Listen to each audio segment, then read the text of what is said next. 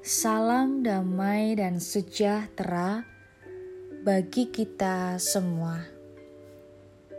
Saudara yang terkasih, hari ini kita akan bersama-sama merenungkan firman Tuhan yang diambil dari Yohanes 15 ayat 26 dan 27.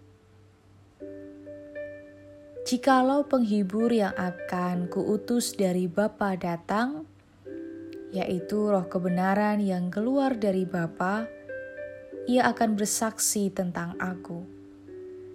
Tetapi kamu juga harus bersaksi, karena kamu dari semula bersama-sama dengan aku. Berani, Roh Kudus menolong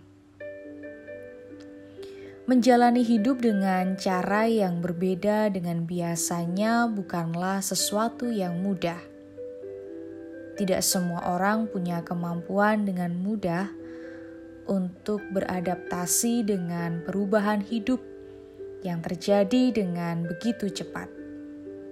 Contoh saja dalam pandemi saat ini. Kurang dari satu setengah tahun yang lalu, kita hidup bersama dengan yang lain tanpa harus ada pembatasan dan dengan bebasnya.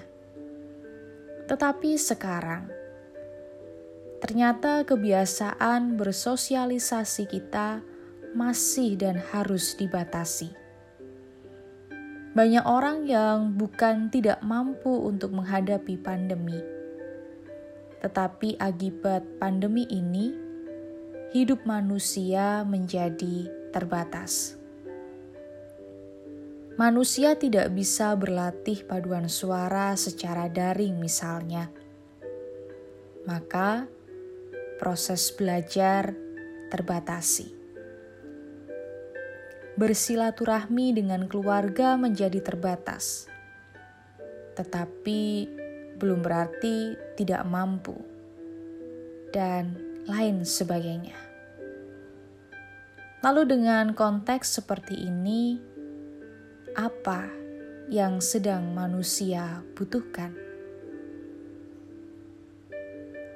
Keberanian melalui Injil Yohanes mengatakan bahwa kita bisa mendapatkannya, mendapatkan keberanian dari Roh Penghibur yang akan menolong kita untuk menjadi saksinya. Kita meyakini bahwa Allah senantiasa hadir di dalam hidup manusia. Ia memberikan kekuatan dan penyertaan bagi kita, seperti bagi para murid pada saat itu.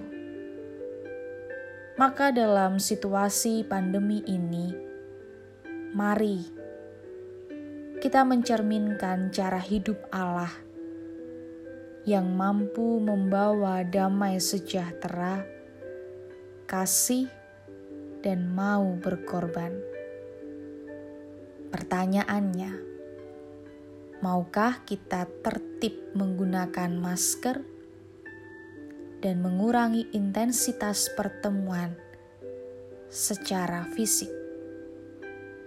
Kiranya kita dimampukan.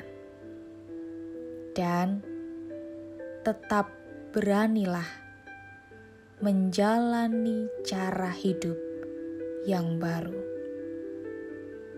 Roh Kudus menolong kehidupan kita. Amin.